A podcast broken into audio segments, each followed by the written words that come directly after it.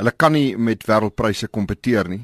Prys is omtrent 150 dollar per ton dieder wat jy in die in die, die wêreldmarkte kan bekom. As jy staal invoer, kan jy dit hier land vir 150 dollar per ton op jou fabrieksvloer goedkoper as wat jy dit hier voor betaal. Nou daar's as jy dan 'n 10% levy bytel dan is dit so 100 dollar goedkoper. So die die staalbedryf is baie ongelukkig. Die sogenaamde downstream en vergewe my my Engels. Die feit is dat Metal het nou 'n uh, 10% customs duty gekry by die regering. Hulle het hulle vra vir 'n verdere 30% duty om om om om hulle te beskerm teen invoere.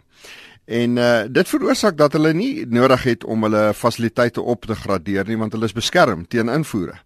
So daar is groot omgekaaptheid hieroor. Die feit is dat die regering glo ons moet 'n metaal hê.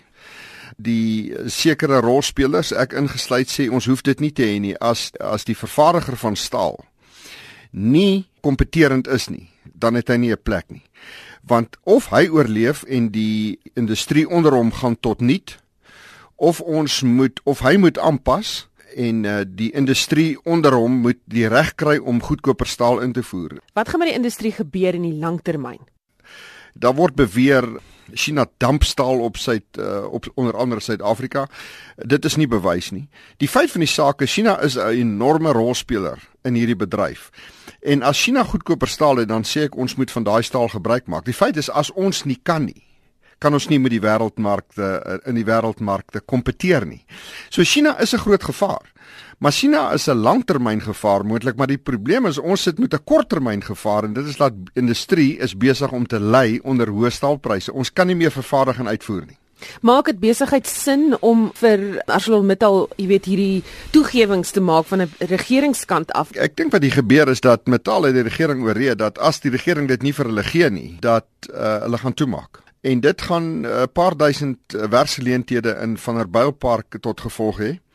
En uh, natuurlik is daar indirekte werksgeleenthede, daar's klein besighede ensovoorts maar in in die Vanderbijlpark area. Die feit van die saak is dat die aan die ander kant uh het die hoër prys 'n baie groter effek in die globale energie. So ons praat nie van 6000 of 10000 werksgeleenthede, ons praat dalk van 100000 werksgeleenthede.